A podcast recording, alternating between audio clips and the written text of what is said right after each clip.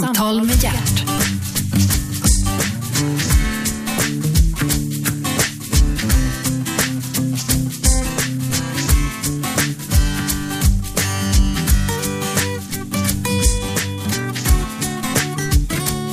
morgon och hjärtligt välkomna till Radio 1, den nya pratradiokanalen. Jag heter Gert Fylking och programmet heter Äntligen och äntligen är Peppe Eng här. Välkommen! Tack så mycket. Får jag säga mannen, myten, legenden? Ja, alltså det är klart att du får säga precis vad du vill. Det är många andra som säger det, så du är mycket välkommen. Ja, du, eh, du har blivit en väldigt folkkär tv-personlighet, som det kallas. Vad är konceptet?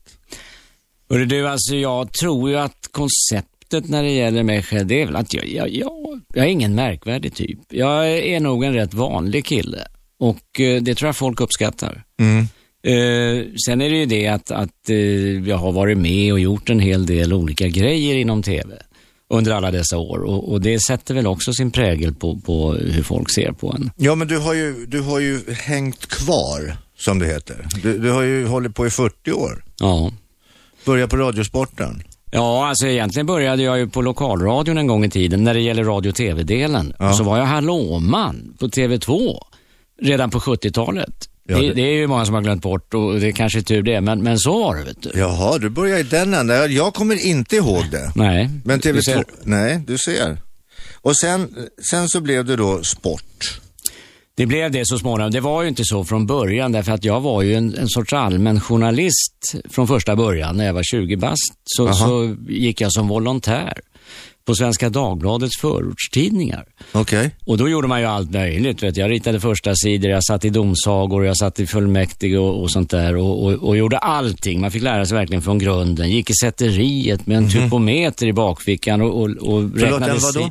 en typometer. Vad är en typometer? För Ja, det är en sorts linjal som räknar Cicero. Du vet, på den tiden bröt man ju tidningar i bly Ja, som placerades i, i så kallade skepp ja. i sätteriet.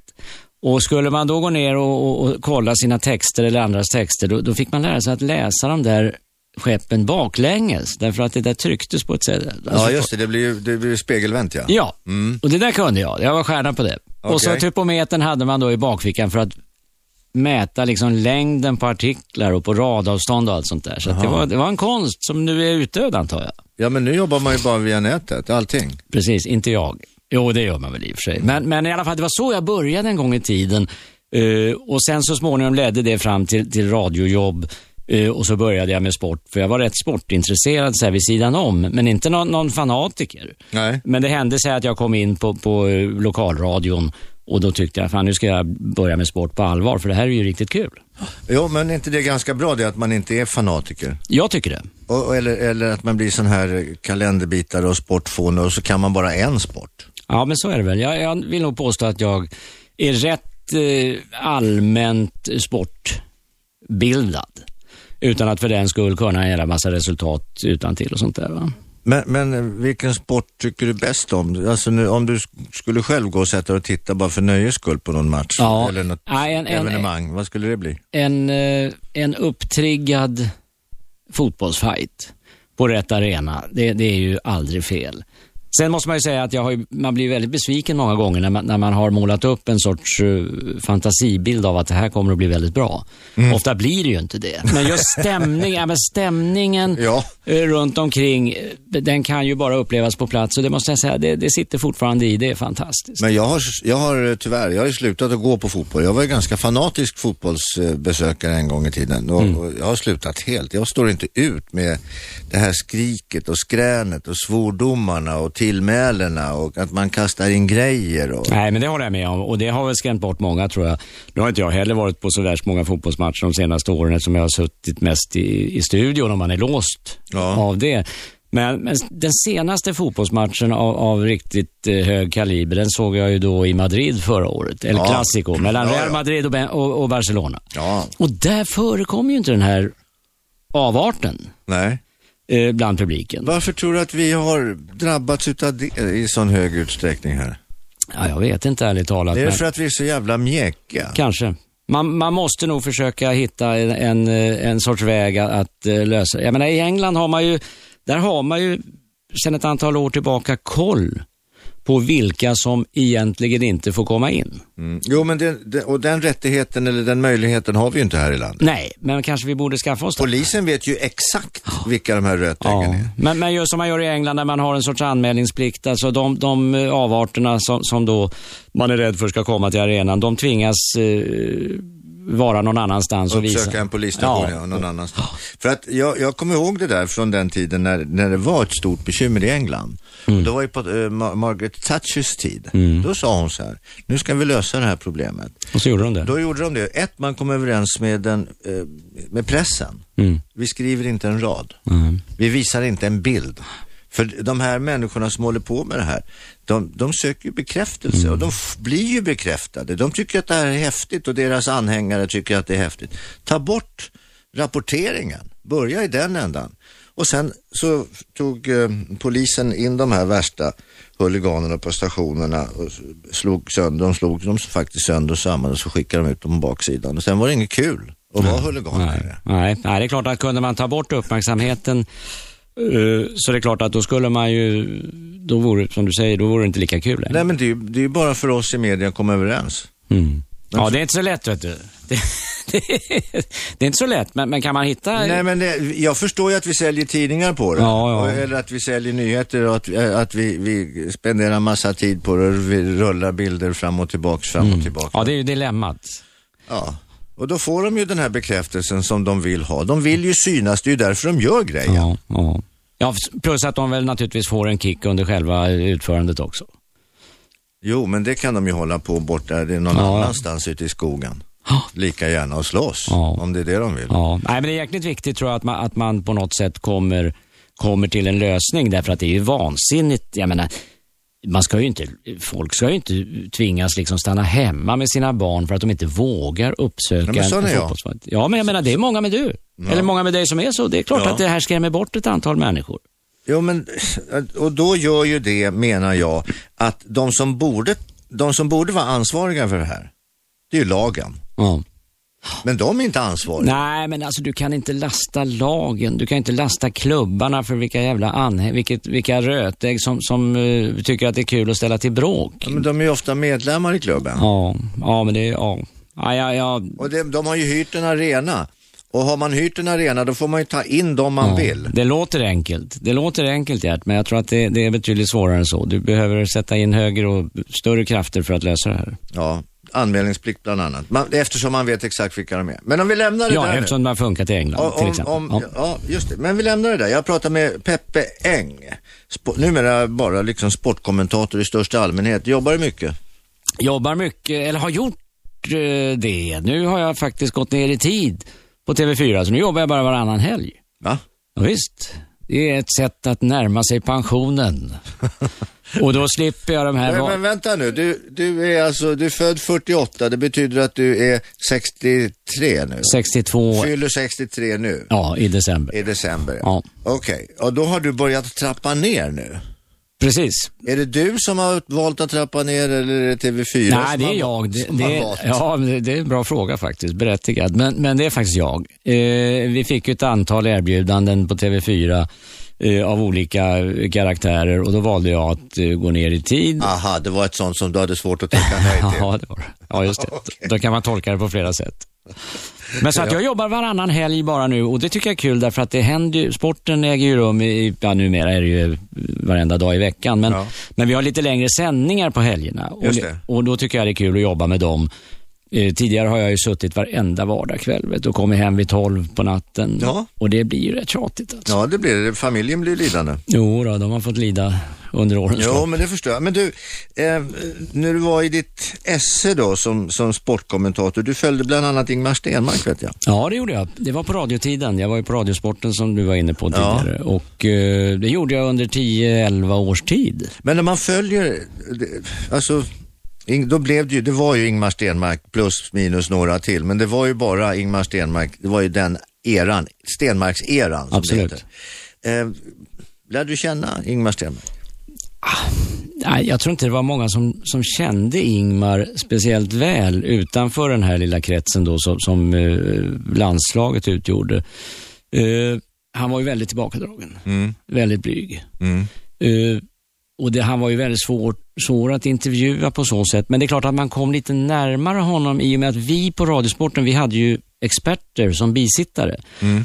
Och det var ju Olle Rolén och det var Torgny Svensson och de var ju hämtade från den här innersta alpina kretsen. Så att på så sätt kom man ju lite närmare eh, än vad andra gjorde. Och man, man, det hände att man hamnade i samma lift som Ingmar, därför att vi rörde oss ju ofta inom deras träningspister och sånt där, så vi var ju tvungna att åka skidor själva. Okay. Och det gjorde man ju gärna. Men, men jag kommer ihåg att man satt med, någon, med, med Ingmar någon gång och man, man tyckte liksom att lin, linbanan tog så jävla tid på sig upp till toppen.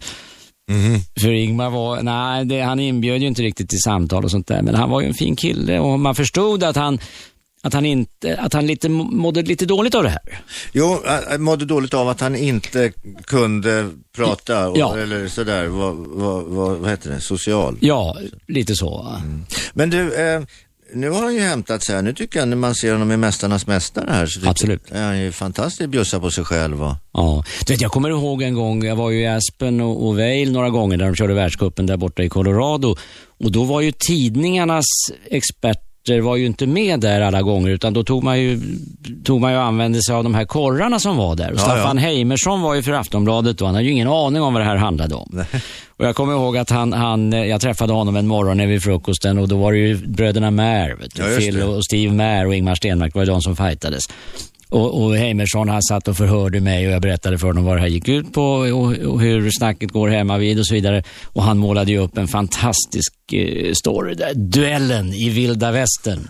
Men jag tror att Ingmar, man märkte på Ingmar att han var ganska fascinerad av att det kom in lite andra mm. journalister som inte ställde de där vanliga frågorna Nej, som han hade hört liksom 20 000 gånger mm. redan. Utan att... Hur känns det? Fattar du vad jag ställt ja, till Ja, men det förstår jag. Och, så det här blev, och då, då tyckte jag att man såg att Ingmar levde upp en smula. Ja, men du, du, när man åker runt så träffar man ju väldigt mycket ledare, man träffar en, en hel del aktiva också, så förflyttas man. Hela det här, det är ju en cirkus som flyttar verkligen, runt. Från, verkligen. Från, eh, det må vara ishockey-VM eller fotbolls-VM eller som sagt eh, Ingmar Stenmark när han var stor och så vidare.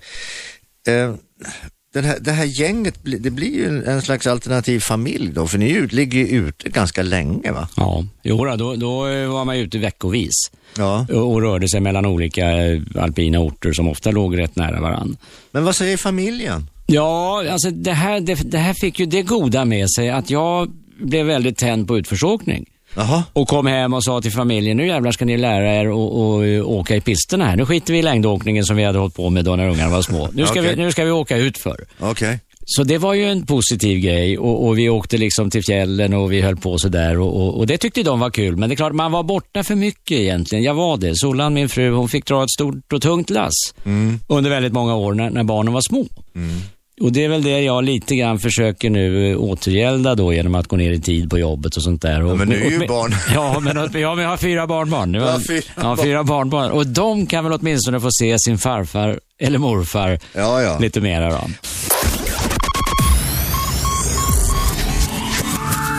Äntligen, Samtal med hjärt.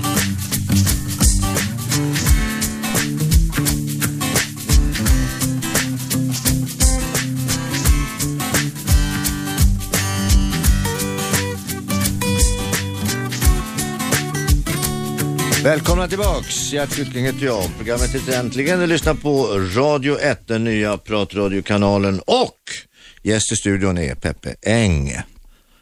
Du Peppe? Ja? Hur är det med tekniken? Nej, alltså jag är teknisk idiot. Alltså, jag förstår inte varför, därför att jag har ju aldrig varit egentligen rädd för, jag älskar vet, att, att, att sitta hemma och koppla ihop kontakter och sladdar så att det lyser i lampor och sånt där. Ja, men det är ju bara två Ja, men jag, jag kan sitta i timmar vet du, med en liten skruvmejsel och en liten tång och, och, och, fixa med sånt där. Men så fort det blir fler som du säger, en, två, nej då är jag livrädd. Ja, får titta på din telefon. Har du telefon? Har du mobiltelefon? Ja, det har jag faktiskt. Jag får se. Ja, det, det är inte någon, lång... det, det är ingen iPhone om jag säger så. Nej. Har du sett? Kolla, du kommer... Ja, men... Står du kvar? Ja, det här, det här är alltså så kallad, det, det man en gång i men Det saknas ju en siffra. Ja, du ser en knapp till och med, vet du, med tre nuffror. Så att det är ju, jag har ju ett helvete när jag ska smsa, för det kan jag. Det kan du. Ja, men då får jag ha en penna eller något vasst föremål att trycka i. Men jag, jag tycker att du, Ja, nej men... Va, varför, Ska jag behålla den? Ja, det tycker jag. Men varför lämna 80-talet? Ja, exakt. när man inte behöver. Nej, när man inte behöver. Nej, men det är nog många, du vet, mina barn och barnbarn, alltså de tycker Ja, men får de bara kontakt med dig så är Ja, exakt. Eller, du kan Men du vet, den här kan jag ju inte ens ta en bild med. Det kunde jag med en som jag hade tidigare faktiskt, men den pajade. Jaha, ja, Och då var jag tvungen att gå tillbaka till den här gamla som jag hittade i en låda. ja, ja, men man behöver inte ta bilder hela tiden. Då. Precis. Och blogga och twittra. Nej, jag har ingen aning om vad det är ens, vet du. Nej, alltså jag fattar ingenting. Och vi har ungdomar här ute på redaktionen som liksom twittrar och håller uppe kontakten via då Twitter med över 600 personer. Ja. Varför Ska, det? ska man imponeras eller?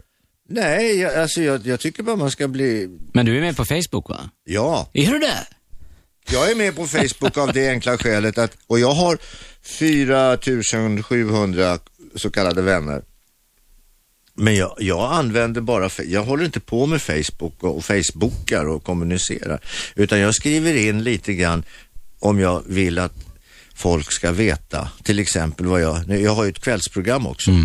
Och det börjar klockan 22 på Riks FM. Och då, då skriver jag in vad vi ska prata om. Så jag använder det lite grann som en, en, en eh, Att dra in folk att dra in folk. Mm. Ja. Det är så, punkt slut. Man kanske skulle börja med det. Ja, det är det enda jag använder det till. Sen håller jag inte på och chattar och sånt där. Nej, nej. Det gör jag inte. Du, Peppe. Vad var det som hände? Du, en bror till dig tog livet av sig. Just det. För ett antal år sedan. Ja. Ja, det var knark. Jaha.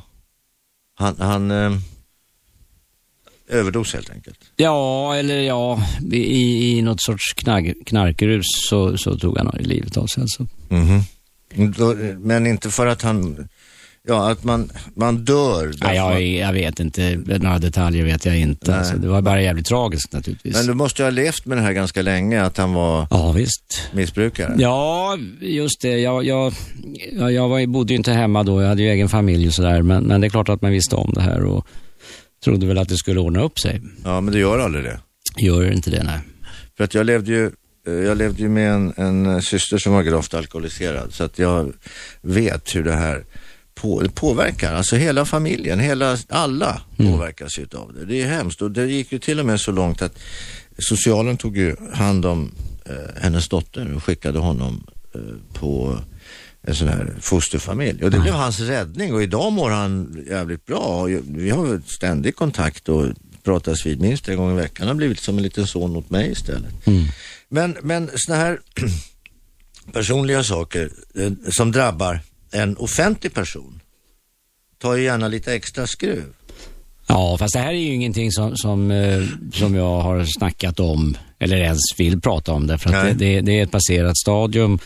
Eh, Och det var ju fruktansvärt jobbigt eh, när det hände då, till och med nyårsafton 78. Så att det var ju...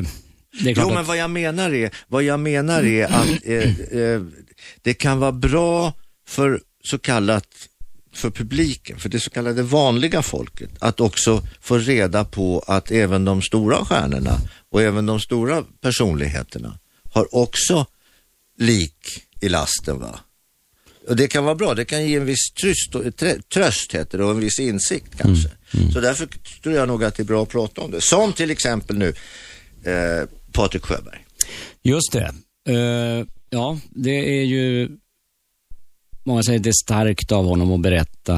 Eh, det är väl bra att han berättar det här, därför att det kan ju få andra, Ja, som du säger, att känna en tröst och att våga berätta i sin tur. Ja. Eller prata om det. prata om det. Ja. Prata, ja, men och säga till någon man litar på att så här är det och jag upplever det på det här sättet och så få- får det en fortsättning och så kanske man kan lösa de här knutarna. Det, så på så sätt tror jag det är väldigt bra. Men du, du, du, du var ju fortfarande eh, ung höll jag på att säga.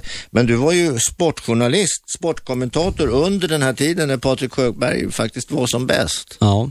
Men där, då fattar man ju ingenting. Nej, alltså han säger ju efteråt nu, han säger ju så här att, att det är klart att det var många journalister som under den här storhetstiden för mig tyckte att jag var jävligt eh, stöddig, arrogant, lite Ja. aggressiv.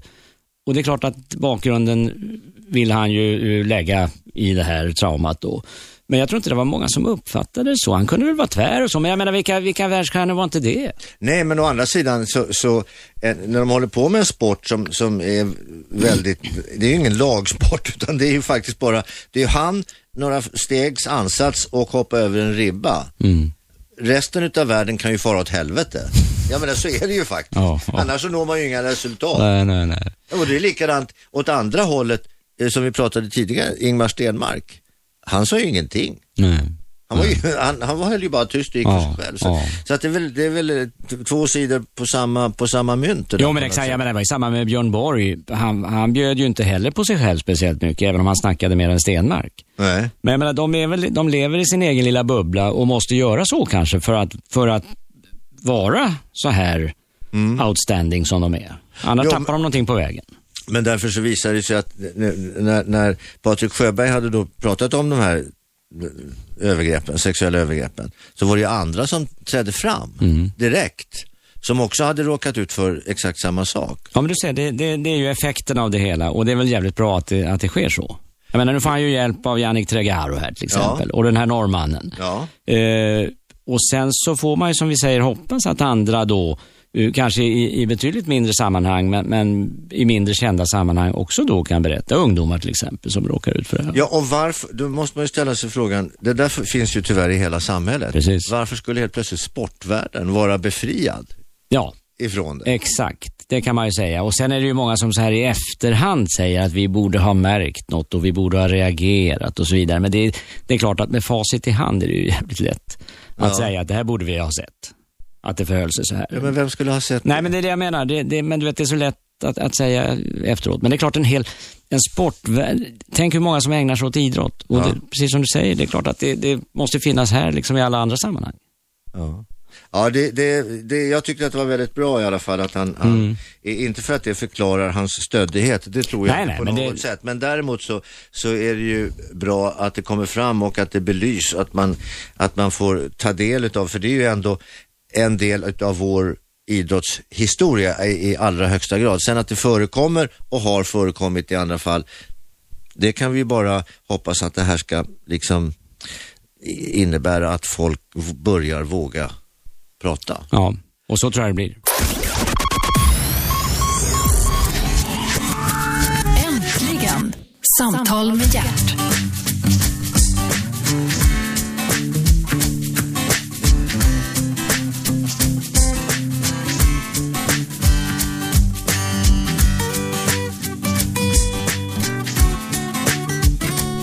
Välkomna tillbaks. Du lyssnar på Radio 1, den nya pratkanalen. Gert Fylking heter jag och gäst i studion, äntligen, Peppe Eng. Du, du har ju en nästintill namn också som heter Peppe Engberg. ja, jodå. Jag vet. det, det, ni förväxlas. Vi gör så ibland. Han är också i media. Ja, precis. I ja. allra högsta grad. Ja, senaste gången tror jag var i, i någon liten artikel i Metro, vet du, där det stod att Peppe Eng blir kulturell. Jaha. Eh, och så var det en bild på honom, eller, eller om det stod Peppe Engberg så var det en bild på mig, men det blev en jädra förveckling i alla fall. Så Lotta Bromé ringde Okej. från P, P4 och sa, tjena Peppe, jag ser att du ska bli kulturell nu, vad är frågan om? Och då sa jag, nej, nej, nej, för fan, det är som vanligt, det är en sammanblandning här. Vad Okej. säger du, Peppe Engberg? Då kopplade hon då ringde hon upp på honom och så kopplade de ihop oss Ah. två. Så det var ganska kul, men, men det, ja, visst, det händer lite då och då. Du, på, på tal om det händer lite då och då och lite andra, och kulturell ja. Vi kan ju inte gå förbi Let's Dance. Nej. Det kommer man inte förbi, det kommer Jag du få jag leva. hajar. Det kommer du naturligtvis att leva, eh, leva länge med. Så länge du lever kommer man att komma ihåg dig. Eh, när de frågade dig, Sa jag nej. gjorde du? Jaha, ja, flera gånger. Varför det? Nej, jag tyckte liksom att, eh, nej det var inte min grej. Och jag, nej, jag sa nej därför att jag förstod att det skulle ta ganska mycket tid i anspråk. Ja, jag tyckte också liksom ett TV4-program, jag tycker inte man ska vara med så mycket i egna kanalens program. nej nej.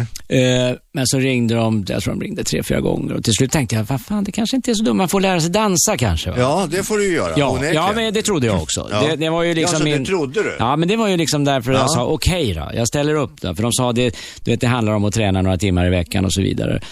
Okej, det kan jag ställa upp på. Och så samlades vi då all, all, allihopa då med de här proffsen. När, när, när det gjordes upp vilka som skulle Mm. För- dansa bara för att, för att, vilka var ditt gäng? Vem var det som vann det året? Kommer du ihåg det? Ja, det var ju Måns Zelmerlöw. Okej. Och i final med Anna Bok.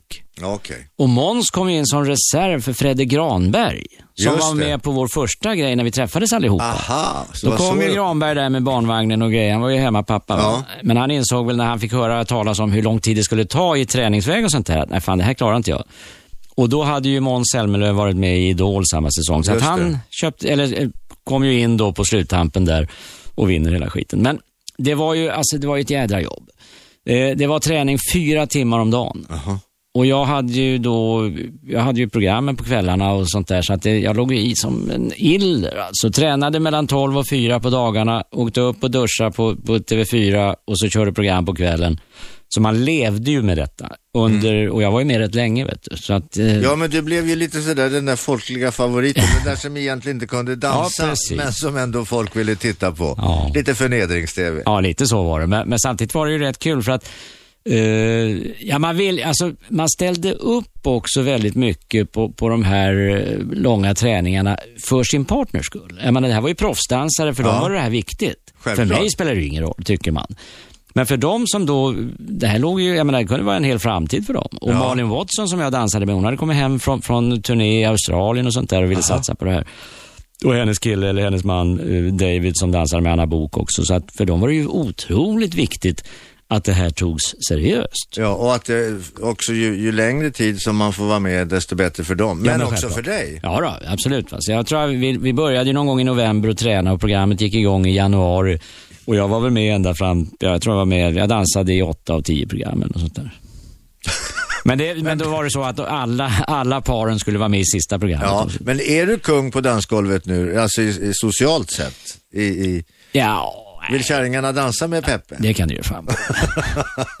Och då ställer man upp. Och då ställer man upp. Det gör man ju. Du, eh, men du hade lite kontroverser också. Du drog inte helt jämnt med Tony Irving va? Nej, just det. Det- Vi var ju bittra fiender ett tag alltså. Du vet att han, eh, när det här, när, när så småningom det uppdagades att Peppe, vi blir inte av med Peppe.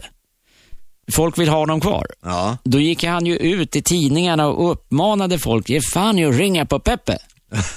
och det där slogs ju upp då i blaskorna och, och då tyckte jag liksom att det där var ju för långt eh, från hans sida att gå. Det tyckte jag var, var riktigt eh, taskigt. Att då, blev vi, då blev jag förbannad på honom. På riktigt? På riktigt. Och eh, då var vi bittra fiender eh, under eh, en period där. Men sen, det här är ju rätt många år sedan nu, men, Ja. men sen har vi ju lärt känna varandra och jag, jag tycker att han är rätt charmig och att han är rätt kul och vi har haft rätt kul ihop. Vi var ute och reste med, med Nyhetsmorgon här för några somrar sedan och gjorde såna här sommarpärlor som det hette. Okej. Och då, eh, då levde man ju rätt tätt ihop med honom och jag förstod att det här är ju en rätt kul kille faktiskt. Ja. Men, men eh, okej, du, du dansar, men du måste ju ha kommit i form om du höll på att träna Absolut. fyra timmar om dagen. Ja, jag gick ner, eh, jag, jag menar jag är inte någon större kille i vanliga fall, men jag tror jag gick ner i alla fall en fyra, tre, fyra kilo. Jag har ju en kompis som var med senare efter dig, eh, Hasse Aro. Ja, Eh, det pinsamma med honom var ju att han trodde ju att han kunde dansa. du menar efter eller före? Nej, då när han höll på där. Ja, nej, det, är så, det har ju jag aldrig trott. Du, du, kom, du lät dig aldrig luras riktigt. Nej, jag vill nog Nej, jag tycker inte riktigt att man fick lära sig dansa heller. Man, jag hade nog räknat med att man skulle få lära sig grundstegen, men det här blev ju rätt mycket koreografi. Ja, Och jag menar, om jag skulle gå ut och försöka köra en sån koreografi på ett vanligt dansgolv, då skulle folk inte tro att jag är klok. Va? då måste du, ha- du måste ha en partner som kan koreografin med dig. Det är väl en bra grej. Mm. Ja. Okej. Men eh, det var i alla fall ett, ett kul format. Det var väldigt kul alltså. Och det Det var, är otroligt populärt. ja, Till och med jag har blivit tillfrågad. det förstår jag. Ja, men. Varför tackar du nej? Nej, det har jag inte gjort. Jag tackar ja. Jaha, men... TV4 vill inte ha mig. Va? Oj. Produktionsbolaget frågar mig flera Oj, gånger. Oj, oj, Och jag hade med, till och med clearat med, med chefen här. Vi måste ju, eftersom det är konkurrerande sådär. Men du, ska, vill du att jag tar upp det här på en högre nivå på fyran? Ska jag snacka med Janne Scherman? Det kan jag, i så fall, Janne Scherman är chef för TV4. Jag kan ringa honom själv i så fall. Skulle du vilja vara med alltså? det verkar så. Jo. Nej då. Nej, jag bara, nej, det är inte det. Eh, jag tyckte att de gick lite bakvänt tillväga. Först så frågar de mig om jag vill vara med.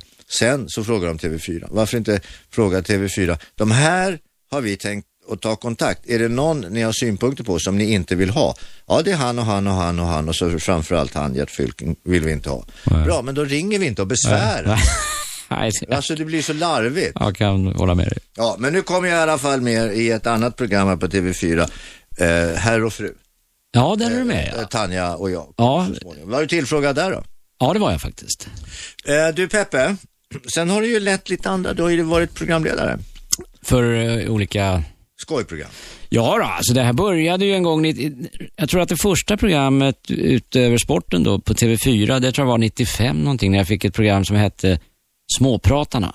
Mhm. Det var jävligt kul. Man hade varit ute och intervjuat ett antal småbarn i olika sammanhang och de svarade lite Som barn gör. hur barn gör ja. Och så, skulle jag, och så hade man tävlande som då skulle gissa vad barnen svarade på olika grejer. Okej. Det var skitkul, blev jättepopulärt. Eh, Så det där körde vi, jag tror vi körde 30 program och uppdelat Jaha. på tre säsonger eller något sånt där. Så gick det i repris och det här.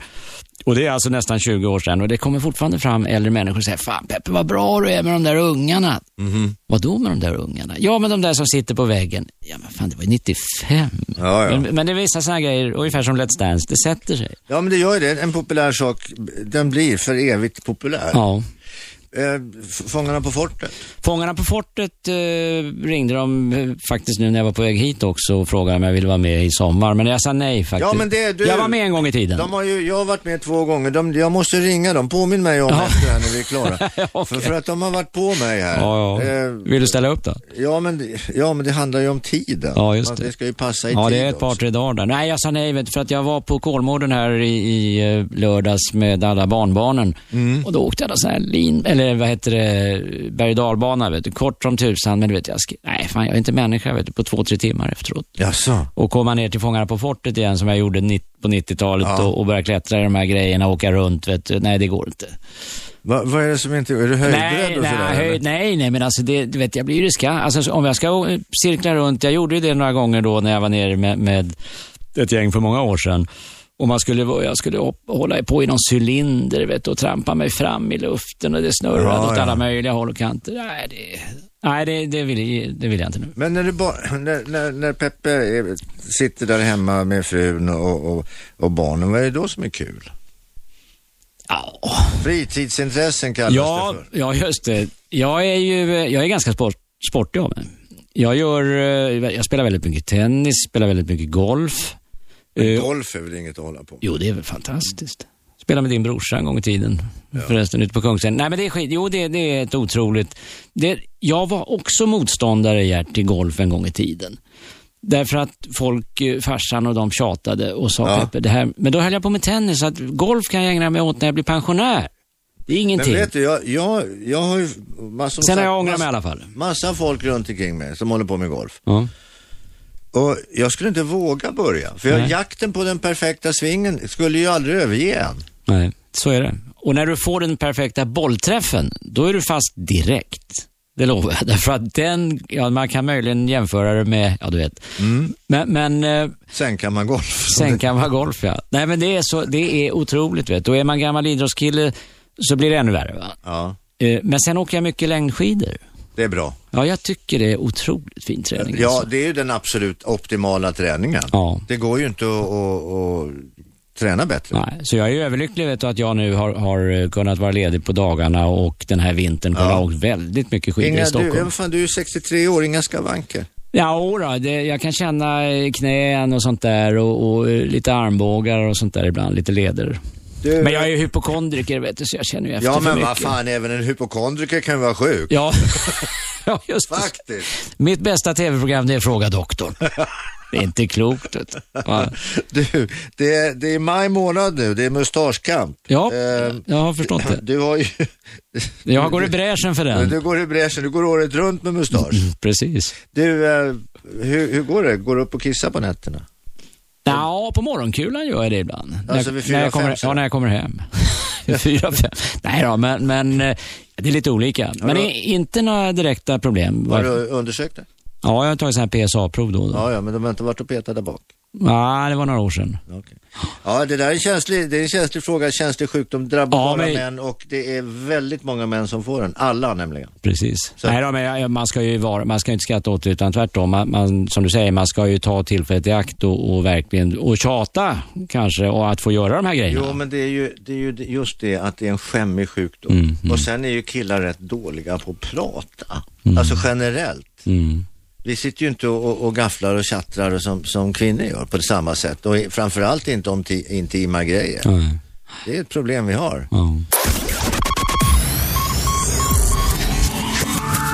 Äntligen! Samtal med hjärt.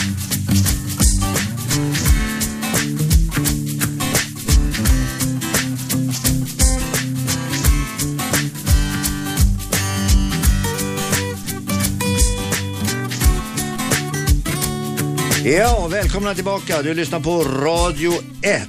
Programmet heter Äntligen. Gert Fylking heter jag. Gästen heter Peppe Eng. Välkommen tillbaka. Och, också Peppe. Mm. Eh, flyende hårfäste. det var snällt sagt. ja. Eh, men du har sett ut lite grann sådär som du har sett ut. Det har du sett ut mest hela tiden va? Jag tror det.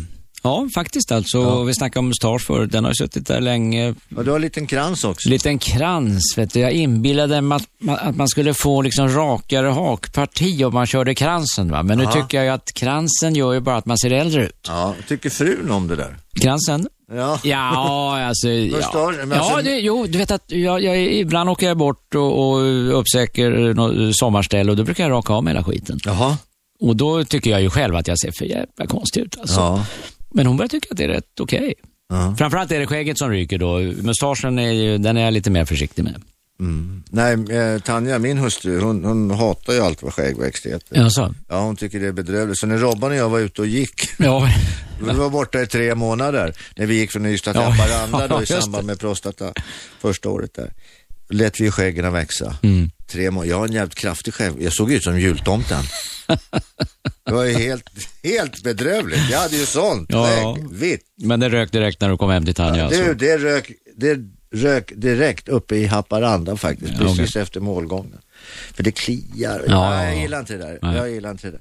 Du, eh, när man slår på dig på Google, Mm. då hittar man, du har alltså 650 000 träffar. Du, och du är säker på att det inte är Engberg nu då? Utan det är... Nej, det är Peppe Eng. Mm. Engberg Ja, låter- har nog låter- inte så mycket. Det låter väldigt mycket. Ja, det är väldigt mycket. Varför tror du att du har förtjänat detta? Eller förtjänat, du har ju fått det. Ja, jag, jag, jag, alltså dels är jag ju så dålig på de där tekniska grunkorna, men, men det är väl som vi var inne på lite tidigare, att eh, jag är väl rätt, jag, är, jag upplever mig själv som ganska populär. Jag märker ju det när man är ute. Mm. Det är väldigt få som har som är, är taskiga, som kommer fram och säger hörru det jävla eh, skit. Utan de flesta har något positivt att säga. Fan. Och man får skriva, att, ja, du vet, sånt där. Så att det, det upplever jag ju som kul. Och det är väl lite grann det här att man, man är en rätt vanlig nisse, alltså inte någon jävla kaxig typ. Men vad tycker vad, vad, frun? Hon har ju liksom... Tycker det är jobbigt. Hon tycker det är jobbigt. Hon tycker det är jobbigt. eh, Har inte hon vant sig efter 40 år? Jo, hon borde ha gjort det. Men det här har kommit de senaste åren, vet du. Sen jag Ja, började... den här stora populariteten. Ja. Ja. Men hon tycker att jag många gånger är för hygglig. Som stannar och skriver de här autograferna och, och, och som gärna blir kvar en stund till istället för att bara gå därifrån. Men Mm. det tycker jag, det, du förstår, du begriper inte det här, säger jag. Nej, men det är ju för, för de människor som, som har dig som idol så är det ju stort att få komma fram. Dels få en autograf, kanske man, det är väldigt många som ska ta en bild också. Det är det väldigt många som gör. Eh, och, och det tar ju en evig tid för eftersom de aldrig kan sina egna kameror, som kamerafunktioner på mobilerna. Och, och sen så vill de prata och då är det ju väldigt, för de människorna, det är ju ett stort ögonblick. Ja, men det förstår jag. Därför att jag har ju själv varit idrottsgrabb en gång i tiden och sett upp till, till eh, idoler och sprungit och jagat autografer av Bengt Bedrup och de här tv-lagen en gång i tiden. Så Ja. att jag förstår hur, hur, hur det känns att inte få uh, det här snacket och att, att bli avpoliterad så att säga. Så att jag, jag, Men sen jag när man, man, man blä, begriper. när man bläddrar vidare då på, på, på nätet så kommer man in på den här slasksidan Flashback. Vad är det för något? Flashback, det är, det är en massa eh, anonyma människor, vilket det är på nätet, som skriver en massa synpunkter och åsikter och tror sig veta saker. San, vissa saker kan det finnas en viss sanning i och andra saker kan det finnas mindre sanning i. Där står det i alla fall eh, på några ställen att du tycker om att festa. Och med festa menar jag då att gärna blir kvar rätt länge. Ja, När det är party. Ja, jo då, det, framförallt var det väl så för ett antal år sedan. Nu har jag även skärpt mig lite grann. Men, men jag vill ju o, högst ogärna lämna en fest Ja. före någon annan. Mm. Och det innebar att ofta blev jag nog sist kvar och stängde placet. Eh, så att på så sätt är, det nog eh, ganska rätt det som sägs i de sammanhangen. Men du har aldrig varit, alltså, du har aldrig varit berusad, eller? jo då, absolut, absolut, i allra högsta grad, alldeles för brusad. Men, eh, och, och det här är ju ofta, oftast är det ju så att man blir bjuden. Ja, fast det tror jag inte har någon större... Jo, när det är fri bar vet du, det är farligt det. Ja, det är klart att det, det är väl farligt kanske jämfört med om man måste pröjsa själv. Men, men jag tror inte det, det, det är inte därför jag Du har stannar. aldrig varit orolig? Alltså att, att åh, nu börjar det bli lite mycket här Peppe. Nå, nej, inte så. Alltså jag, jag har väl aldrig trampat i de där riktiga klaveren, tack och lov. Eh, även om en och annan kanske tycker att jag har gjort det. Men det är någonting som jag har då förträngt. Eh, och jag har skärpt, jag har skärpt mig. Alltså jag, jag, jag tycker nog att jag kanske bör gå hem medan jag fortfarande kan, kan klara mig själv och sånt där numera. Alltså, det var värre för. Ja, men du vet, då skulle jag sjunga på gården när jag kom hem på, på morgnarna och sånt där. Och det var väl inte alla som uppskattade det. Ja, och, och frun? Eh, Tyckte väl inte heller att det var så jävla kul alla gånger. Nej. Men tycker du själv att du sjunger bra eller? Nej, jag har lagt av. Du har lagt av? Ja, ja. Va, va, när du höll på då, vad var det för repertoar? Hörru du, det kunde nog, det var ett ganska brett register skulle jag Det tro. var ett ganska... Du, Peppe, okej, nu- vad ska du göra sen då? Nu, ska du bli pensionär här, men det tror inte jag på. Jag tror inte på att du kommer att bli pensionär. Jag ber om ursäkt. Du, du har alltså eh, ett år, två år kvar va, tills du blir 65 Ja, det. år. Mm. Inte fan lägger väl du Nej, av? det, nej det, jag tror inte det heller. Därför att jag, jag kan ju uppleva de här dagarna när jag går hemma och, och, och sådär som, jag, jag kan bli rätt glad när de ringer från TV4 och säger du Peppe, fan vi har fått problem här, kan du rycka in? Alltså någon vardagskväll när jag då normalt va, eh, inte jobbar längre. Men, det, så att jag har ju svårt att tänka mig också att jag bara klipper av det här. Och Man har ju ändå byggt upp någonting under dessa år som har gått. Så att det, på något sätt kommer man väl kanske att fortsätta, men inte i, i samma höga tempo som tidigare. Men de säger det, det, det här gamla uttrycket att har, har man en gång fått uh, sågspån i sandalen och så längtar man in i manegen. Ja, jo men, det, men jag, jag tror det skulle kännas rätt tomt Ja. eh, att lägga ner helt och hållet. Det tror jag. Och sen så kommer folk och omkring. Titta, där går ju Peppe. Han var ju berömd förut. Han var ju kändis förut. Ja, ja men det, visst, det, det, alltså, nu tycker inte jag att det är så märkvärdigt, men det blir lite sådär som ett, ett gift. Alltså, det är lite kul. Det måste jag säga. Det, det är, ja, jag är tillräckligt eh, ärlig för, ja, tillräckligt ärlig för att säga det. Att Ja. det, är kul när folk kommer fram och vill snacka eh, och när folk är hyggliga och, och, och man förstår att de gillar den. När kommer memoarerna? Vad sa du? Memoarerna? Jag har inte ens funderat på det. Alltså det finns ju massor att berätta naturligtvis. Men, men ja, där någonstans in- inbillar jag mig att är det så jävla intressant vad jag har varit med om. Det är jätteintressant. Det är, det, därför att det är vår tid. Och du har levt så väldigt nära alla de här stora stjärnorna. Ja, jag var ju på väg att stoppa, att stoppa Gaddafi faktiskt. Redan för ett antal år sedan. Jaså? Ja, det är ju aktuellt nu när alla, alla jagar honom. Eh, det var på Stenmarkstiden faktiskt. Jag satt på ett flyg ner till Wien eh, och läste i tidningarna att Gaddafi skulle göra statsbesök i, i, i Wien och bo på samma hotell som jag, Imperial.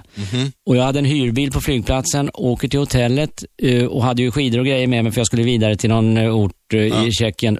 Langar in alla grejer, stannar framför hotellvestibulen alltså. Langar in grejerna. När jag kommer ut så står det fyra vakter med k-pister. Och jag undrar, vad fan är frågan om? Och jag måste bara in i bilen, stick härifrån, stick härifrån. Och får inte igång bilen. Då visar det sig när jag vänder mig om så kommer 20 sådana jävla limousiner bakom med Gaddafi först. Och de kommer inte fram. För där står jag och hejdar dem mitt framför hotellvestibulen. Till slut fick jag igång bilen. Men jävla då var jag svettig. Bokstavligen. På 80-talet någon gång. Tack så hemskt mycket Peppe Eng för denna pratstund. Gert Fylking heter jag. Du har lyssnat på, eller du lyssnar på Radio 1, den nya pratradiokanalen. 101,9 Radio 1. Sveriges nya pratradio.